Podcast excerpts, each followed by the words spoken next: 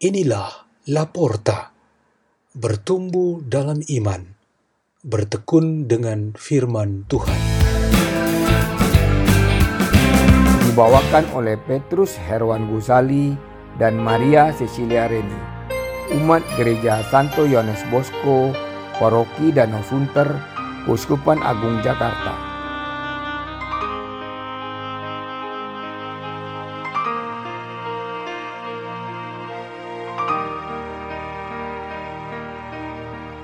Bacaan dan Renungan Sabda Tuhan Hari Jumat Pekan Paskah keempat 30 April tahun 2021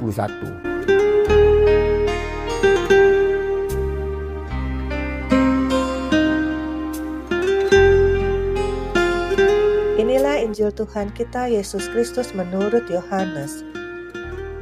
Dalam amanat perpisahannya, Yesus berkata kepada murid-muridnya, "Janganlah gelisah hatimu. Percayalah kepada Allah, percayalah juga kepadaku. Di rumah Bapakku banyak tempat tinggal. Jika tidak demikian, tentu aku mengatakannya kepadamu, sebab aku pergi ke situ untuk menyediakan tempat bagimu. Aku akan datang kembali dan membawa kamu ke tempatku, supaya di tempat di mana aku berada, kamu pun berada. Dan ke mana aku pergi, kamu tahu jalan ke sana.' Kata Thomas kepadanya, Tuhan, kami tidak tahu ke mana engkau pergi. Jadi bagaimana kami tahu jalan ke sana? Kata Yesus kepadanya, Akulah jalan, kebenaran dan hidup. Tidak seorang pun dapat datang kepada Bapa kalau tidak melalui aku. Demikianlah Injil Tuhan.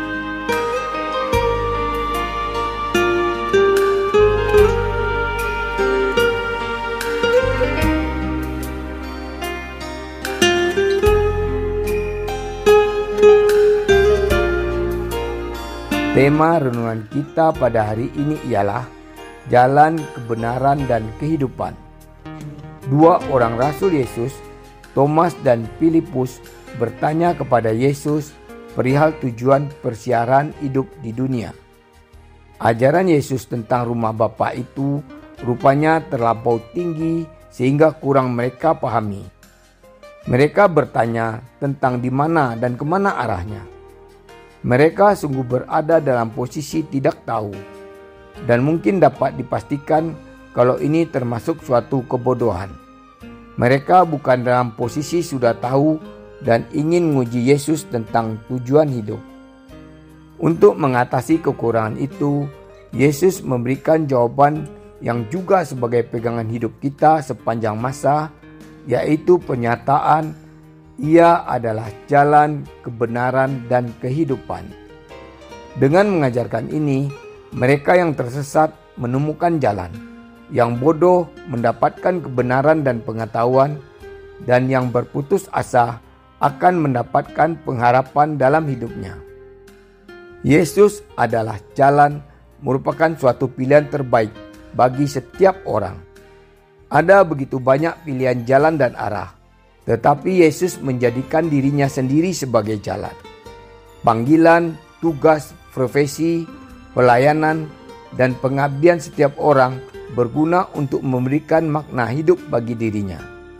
Namun hidup seseorang menjadi bermakna sepenuhnya kalau ia memakai jalan Yesus Kristus dalam merealisasikan pilihan hidupnya itu.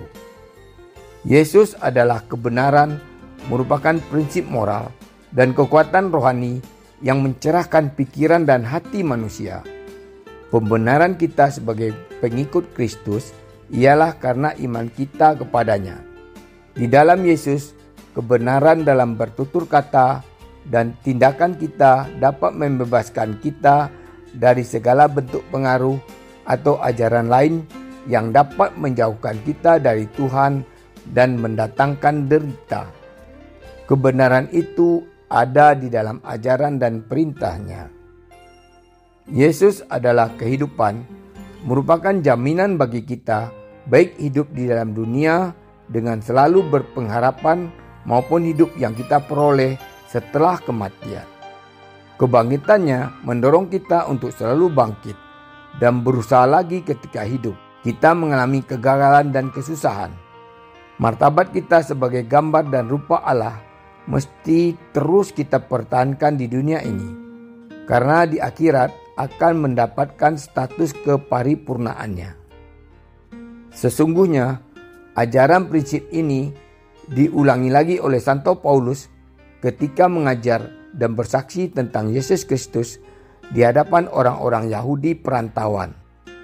Maksudnya ialah untuk menyukakan dan menarik mereka ke jalan iman akan Yesus Kristus. Sampai saat ini, ajaran prinsip ini selalu menjadi pegangan hidup kita yang bukan sekedar kata yang menyukakan hati kita. Marilah kita berdoa dalam nama Bapa dan Putra dan Roh Kudus. Ya Yesus Kristus, Semoga kami tetap mengimani Engkau sebagai jalan, kebenaran, dan kehidupan kami di dunia ini. Kemuliaan kepada Bapa dan Putra dan Roh Kudus, seperti pada permulaan, sekarang, selalu, dan sepanjang segala abad. Amin. Dan nama Bapa, Putra, dan Roh Kudus. Amin. La porta, la porta, la porta.